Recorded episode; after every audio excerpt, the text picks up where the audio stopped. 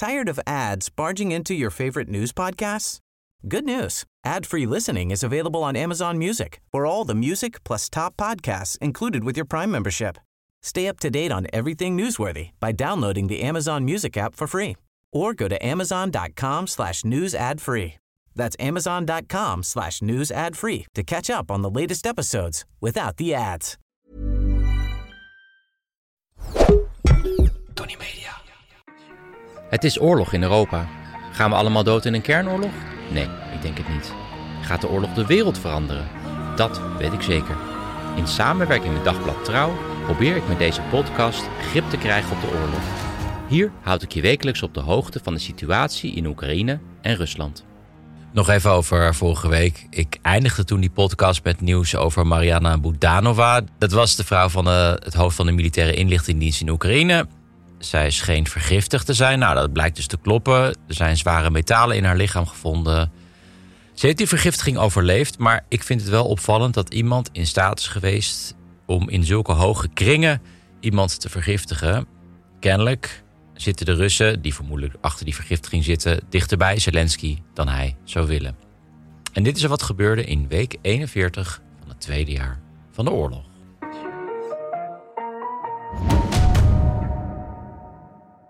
Ja, Oekraïne houdt voorlopig goed stand tegen de ja, wintercampagne van de Russen, waar ik het vorige week over had.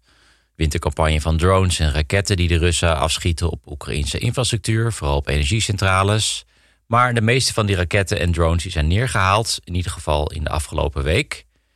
Op de grond, zoals verwacht, is er vertraging gekomen door dat winterse weer. Maar er wordt nog steeds hevig gevochten rond de kooksfabriek eh, net buiten Avdiivka in het oosten van Oekraïne. En de vraag is hoe lang de Oekraïners die stad kunnen houden.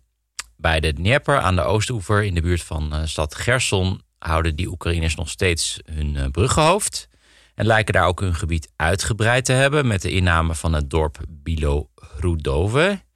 Ik hoop dat mijn Oekraïnse leraar nu niet zit te luisteren. Ik spreek het vast verkeerd uit. Ik doe mijn best. Ja, en er zijn problemen met het moreel van het Russische leger daar.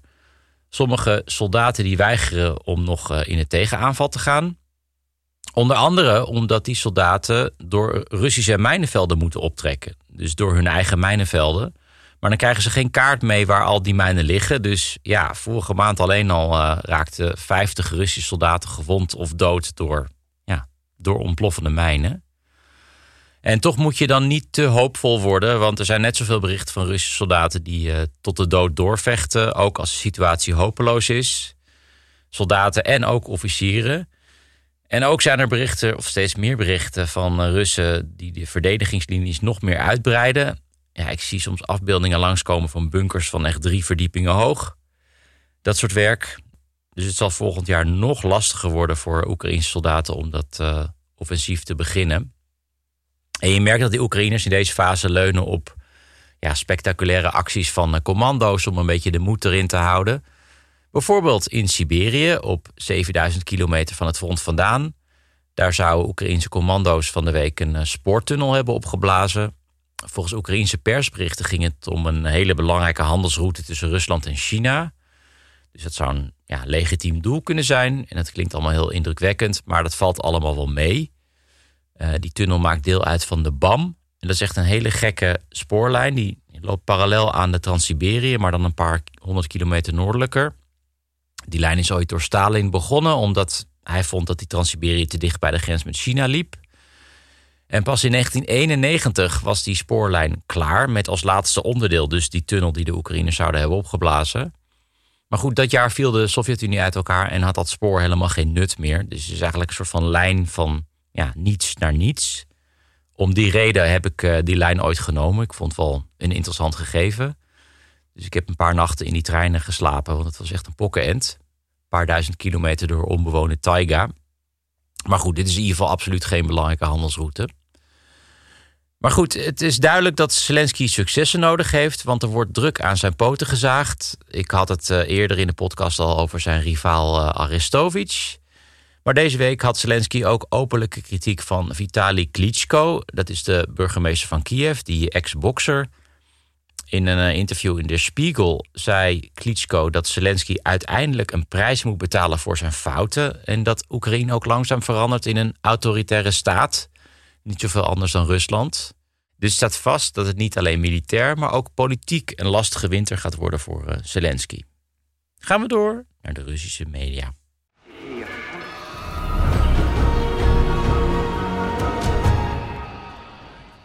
Ja, nog meer politiek gerommel in Oekraïne. Dat belangrijk nieuws was in de Oekraïnse media de afgelopen week. Oud-president Piotr Poroshenko die zou op de grens zijn aangehouden door grenswachten. Ze weigerden hem de grens over te laten gaan. Volgens de Oekraïnse inlichtingendienst zou die Poroshenko onderweg zijn naar Hongarije. Daar had hij dan met Viktor Orban afgesproken. Mogelijk om te praten over vredesonderhandelingen. Ja, dat is verder een beetje onduidelijk. Orban is natuurlijk een vriendje van Poetin. Poroshenko die deelde ook filmbeelden van hoe hij op de grens werd aangehouden op zijn socials. Ja, eigenlijk is het gewoon nog een man die aan Zelensky's poten zit te zagen. Ja, en ver weg van al die politieke intriges proberen mensen gewoon te overleven en, en er het beste van te maken. Uh, zo werd er een toneelstuk, ongelooflijk genoeg, opgevoerd in de stad Gerson. Dat is die stad die dag en nacht wordt beschoten door de Russen vanaf de andere kant van de rivier. Dat stuk is van de Kulish Theateracademie en de titel van het stuk is Anti-Tank Hex. Nou, uiteraard werd het stuk opgevoerd in een schuilkelder. Laten wij verder een klein stukje luisteren.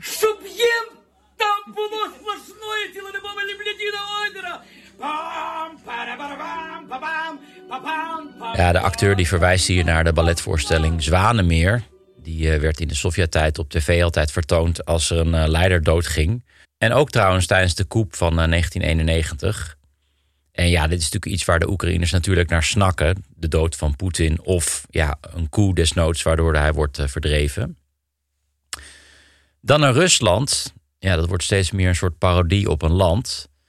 Want je hebt dus de mannen die naar het front worden gestuurd. En je hebt vrouwen die dan toekomstige soldaten moeten baren. Maar hoe kan je nou kinderen inzetten voor de oorlog? Ja, natuurlijk door het maken van granaten.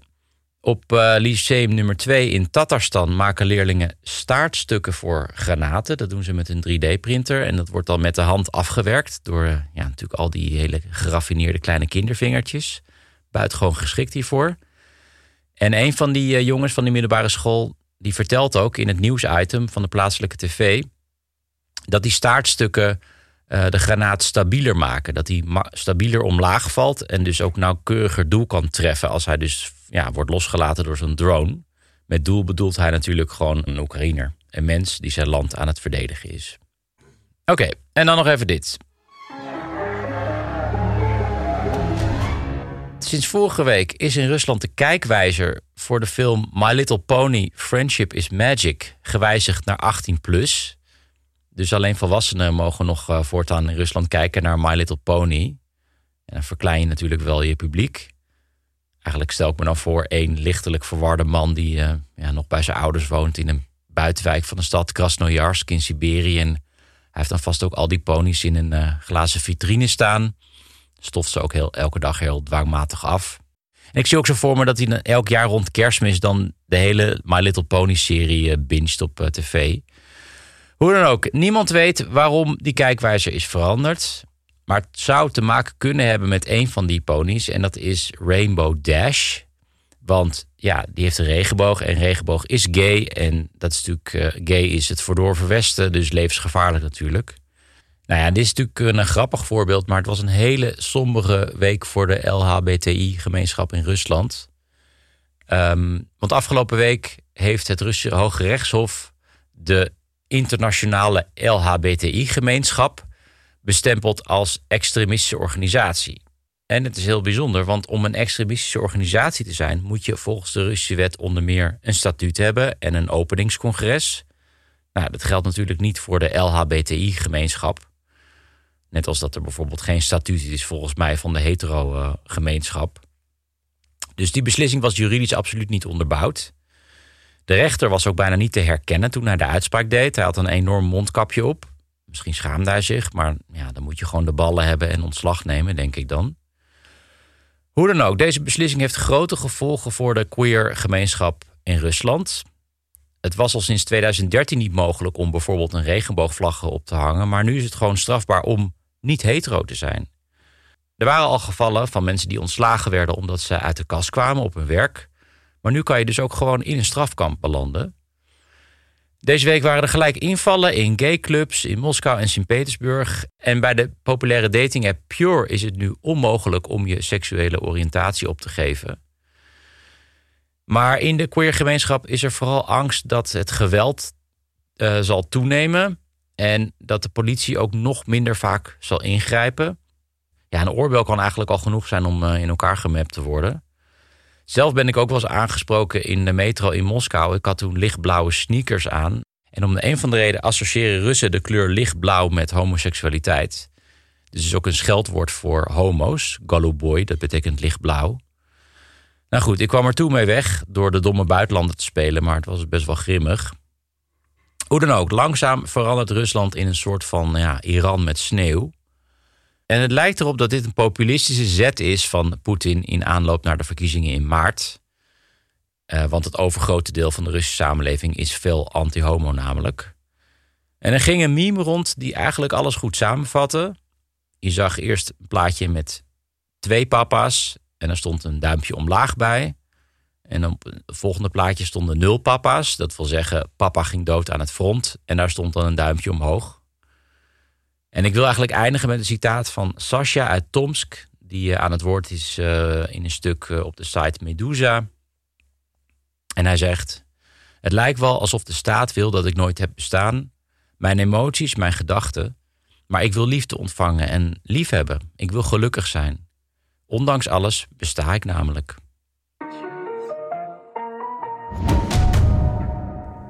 Afgelopen week kwam ik een aantal keer midden in de nacht terug van het eh, theatercollege met Ruben Terlouw. En ik kroop dan in mijn nieuw bed van Mad Sleeps. Mad Sleeps is dit jaar verkozen tot het beste product van het jaar. Heeft de predicaat Groene Keuze van de Consumentenbond en scoort met een 4,8 het hoogste cijfer op Trustpilot. Ja, dat wil zeggen, tenminste, ik deed een poging om in bed te kruipen. Want als ik weg ben, dan gaan onze katten altijd precies op mijn kant liggen. En s'nachts gaat er soms ook eentje op mijn hoofd dan zitten. Alsof ik er gewoon niet ben. Maar op zich is het wel prima in de winter voor uh, ja, als je kaal bent, zoals ik, lekker warm. Hoe dan ook over dat matras van Mad Sleeps. Ja, het mooie is dat elke kant van dat tweepersoonsmatras aan te passen is. Uh, dus voor elke persoon kan je gewoon een andere hardheid kiezen. Je hoeft eigenlijk alleen maar dat matras open te ritsen. En dan kan je dus kiezen voor elke andere hardheid. In totaal zijn er zes hardheden mogelijk. Je kan 120 dagen proef slapen. Bevalt het nou niet, dan haalt Mad Sleeps het matras weer kosteloos op. Ja, dat zullen wel dezelfde mensen zijn die bij mij eh, het matras kwamen installeren. Dat waren twee vrolijke Rotterdammers. Die vonden dat ik in een Harry Potter huis woonde. Ze konden verder niet uitleggen waarom. In ieder geval binnen vijf minuten stond, uh, stond het bed er gewoon. Ben je nou ook benieuwd geworden? Neem een kijkje op matsleeps.com. Dat is M-A-T-T-S-L-E-E-P-S.com. Met de code Jelle30 krijg je 30% korting op het met matras en 35% korting als je een boxspring en een matras bestelt.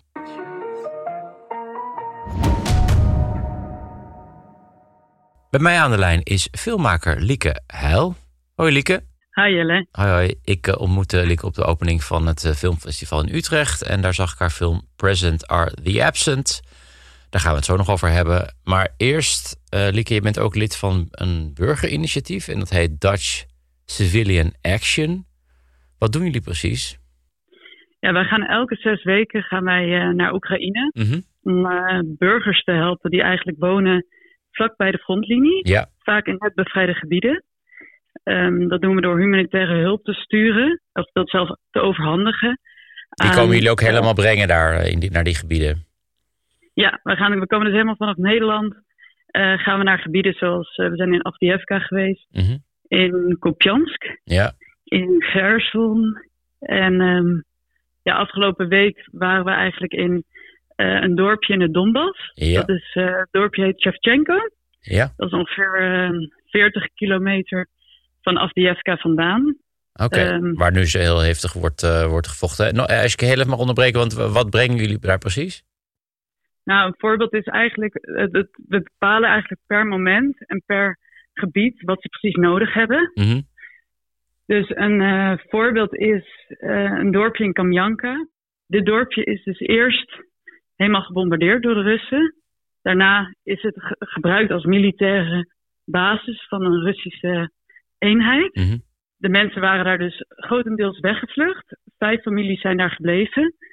Ehm, en nu komen mensen terug in een soort van, ja, je kan het niet echt een huis meer noemen wat er staat. Het zijn vooral eigenlijk voornamelijk ruïnes die daar zijn. Maar toch komen mensen terug. Ja. En beginnen zo beetje bij beetje het op te bouwen. Maar even over die huizen, zitten er vijf families. Hebben ze, hebben ze überhaupt een dak boven hun hoofd? Bij enkele huizen zie je dan nu dat er van die blauwe, eh, ja, van die blauwe, dat, zeiltje. doeken, een zeil, ja. Als er een blauwe zeil op zit, Ja. dat zijn mensen, zien we, die zijn dus bezig hun, hun huis op te bouwen. Maar ja, in realiteit is het, ja, het zijn eigenlijk voornamelijk wat muurtjes. Ja, wat pittig zeg. Ik bedoel, het is, de winter is daar nu aangebroken. Het sneeuwt daar gewoon. Ja. Die mensen hebben gewoon geen dak boven hun hoofd. Nee, of die hebben een klein hutje naast het huis dat dus gebombardeerd is. Ja, Dat is een klein hutje, die verwarmen ze dan. oké. En vanuit daaruit werken ze eigenlijk aan hun huizen. En, en hoe is de sfeer daar? Ik bedoel, is het meer, is het meer strijdlustig? Of van, ik, ik ben in ieder geval terug op mijn geboortegrond? Of, ja, ik kan me ook voorstellen dat je daar helemaal moedeloos van wordt. Ja, het is meer strijdlustig. We hebben dan contact, ehm, we hebben daar contact met meerdere mensen. Mhm. Maar drie mensen die kennen, leren we echt heel goed kennen. En dat is één iemand, en die noemen wij de Mine Lady. Ja, Zij heeft eigenhandig 46 mijns uit haar tuin eh, verwijderd. Door ze gewoon met een shovel, met een schepje eruit te halen en dan te branden. oké. Die vrouw, ja. Dus eh, wanneer we daar komen, komt ze ook aangelopen. En dan zegt ze, kom kijken. Dan wil ze iets laten zien in haar tuin. Heeft ze een stok. En daarmee prikt ze ook voor de zekerheid om nog even te kijken of alles goed is. Ja, maar als, als het prikt en er zit een mijn, dan... Ja, klopt. Ik denk dat zij, ik, ik vertrouw er enigszins wel op dat ze het goed heeft mind En tegelijkertijd gaan wij niet onnodig risico nemen door eh, echt te ver van paden af te gaan. Nee. blijven redelijk op het pad. Ja. En daarnaast ja, hebben we nog twee hele mooie mensen die we regelmatig zien. Dat is eh, de Cat Lady, noemen we haar. Ja, Zij eh, heeft daar gezeten toen de Russen daar ook zaten. En zij zorgt eigenlijk voor alle katten waarbij de bewoners om zijn gekomen of die zijn gevlucht. oké. En zij zorgt dus voor die Die katten. heeft al die kat in huis genomen. Hoeveel katten heeft ze? Ja, ze heeft, het is echt een bizar beeld. Je komt daar binnen en er staan allereerst allemaal van die legerdozen van, eh, van, de, van de Russen. Waar Ja, voor- voorheen munitie in zat. En daar overheen lopen allemaal katten. Een stuk of ik denk twintig. allemachtig. Ja, En dus je hebt de Mine Lady en de Cat Lady. de cat lady en we hebben cola. en Ja. cola is een man. En eh, die, heeft, die zat in zijn huis toen hij volledig gebombardeerd was. eh, werd. Die ging zelf zijn schuilkelder aan in. Ja, Daar is nog een granaat naar hem gegooid. En vervolgens, dat heeft hij allemaal overleefd. Vervolgens is hij eh, weggevlucht uit het dorp een tijdje. ja. En die eh, is nu weer teruggekomen. En Cola die heeft eigenlijk, die is altijd bezig. Als we langskomen is hij altijd een muur, zijn muur aan het bouwen. Of Waarom heet, kwamen waarom heet cola? Ja, dat is zijn naam.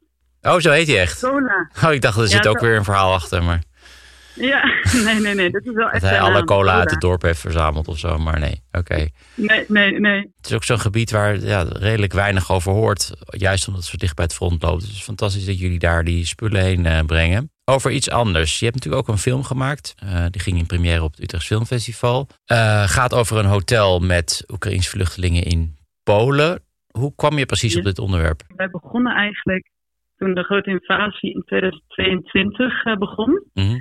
Hadden wat vrienden en ik eh, het gevoel van willen wat doen. Dus ehm, toen besloten we om hulpgoederen richting Oekraïne te sturen. Ja. En mensen mee terug naar Nederland te nemen. En eh, dan hebben we ook in totaal 200 mensen uiteindelijk verbonden met gastgezinnen in Nederland Mhm. vanuit die organisatie. En ehm, tijdens de eerste missie hoorden we dat er in Polen een hotel was. eh, waarbij de eigenaar plek had aangeboden voor 40 Oekraïnse vluchtelingen.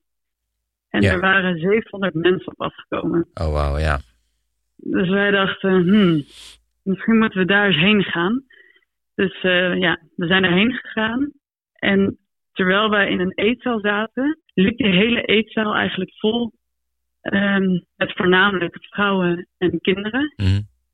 En toen voelde ik eigenlijk heel erg van hoe de afwezigen aanwezig zijn in een arena met, ja, dus voornamelijk vrouwen en kinderen. Ja, die onlichtbare belevingswereld wil ik dus eigenlijk zichtbaar maken door middel van eh, een documentaire. Ik vind dat je in die film een hele mooie balans hebt gemaakt tussen eh, enerzijds ja, het geluk om niet in de oorlog te zitten, maar ook natuurlijk verlangen om weer terug te gaan naar je geboortegrond. Ehm, heb jij enig idee of deze ehm, vrouwen en, eh, en kinderen weer terug zijn? Of zijn ze verder gereisd? Of zitten ze nog in dat hotel? Ja, alle hoofdpersonages, want in de film volg ik dan voornamelijk drie vrouwen. Mhm. En hoe zij alle drie omgaan met de afwezigheid van hun geliefde. Ja. En eh, al deze drie vrouwen die zijn sowieso terug. Ehm, zo, en is een van de hoofdpersonages die was 17 toen ik haar filmde. Ja. En, en geeft ook aan in de film dat ze zich eigenlijk heel erg eenzaam voelt. Eh, ze zit daar in een luxueus hotel in Polen. Ehm, maar ja, ze heeft niet echt leeftijdsgenootjes om zich heen. Eh, en ze is toch op een leeftijd van 17 dat je dat, ja, je dat dat, wil. dat je dat wel wil. Ja. Precies. Ehm, en zij is dus uiteindelijk eh, alleen teruggegaan naar Oekraïne, naar Lviv. Oh. En dat is op zich wel een fascinerend verhaal, omdat eh, zij woonde in Hotel Maria met haar ouders, Mhm. haar vader, haar moeder en haar twee en haar broertje en haar zusje. En omdat eh, die vader dus drie kinderen had, eh, mocht hij de grens over. Oké. Ja. Dus zij leefde daar met het hele gezin in Hotel Maria. Eén dag voordat N 18 werd, heeft die vader haar nog naar Lviv gebracht. En is hij teruggegaan. En dat gezin leeft nu nog steeds in Hotel Maria. In dat hotel. Ja. ja.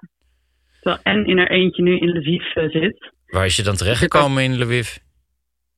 Zij heeft gewoon eh, in het huis van haar ouders, Oké. waar ze is opgegroeid. Goh, Ja, pittig.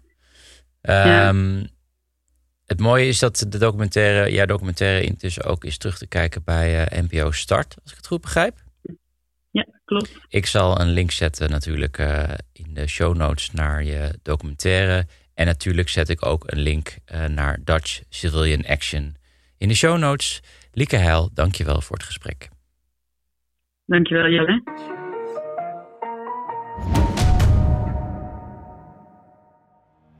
Dit was het voor deze week. Eh, in het weekend vertrek ik naar Oekraïne om research te gaan doen voor de serie. Dus volgende week de podcast vanuit Oekraïne. Tot dan.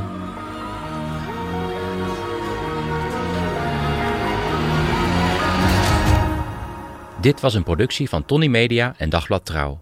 Voor meer verdieping ga naar trouw.nl. Tired of ads barging into your favorite news podcasts? Good news. Ad-free listening is available on Amazon Music for all the music plus top podcasts included with your Prime membership. Stay up to date on everything newsworthy by downloading the Amazon Music app for free or go to amazon.com slash news ad free. That's amazon.com slash news ad free to catch up on the latest episodes without the ads.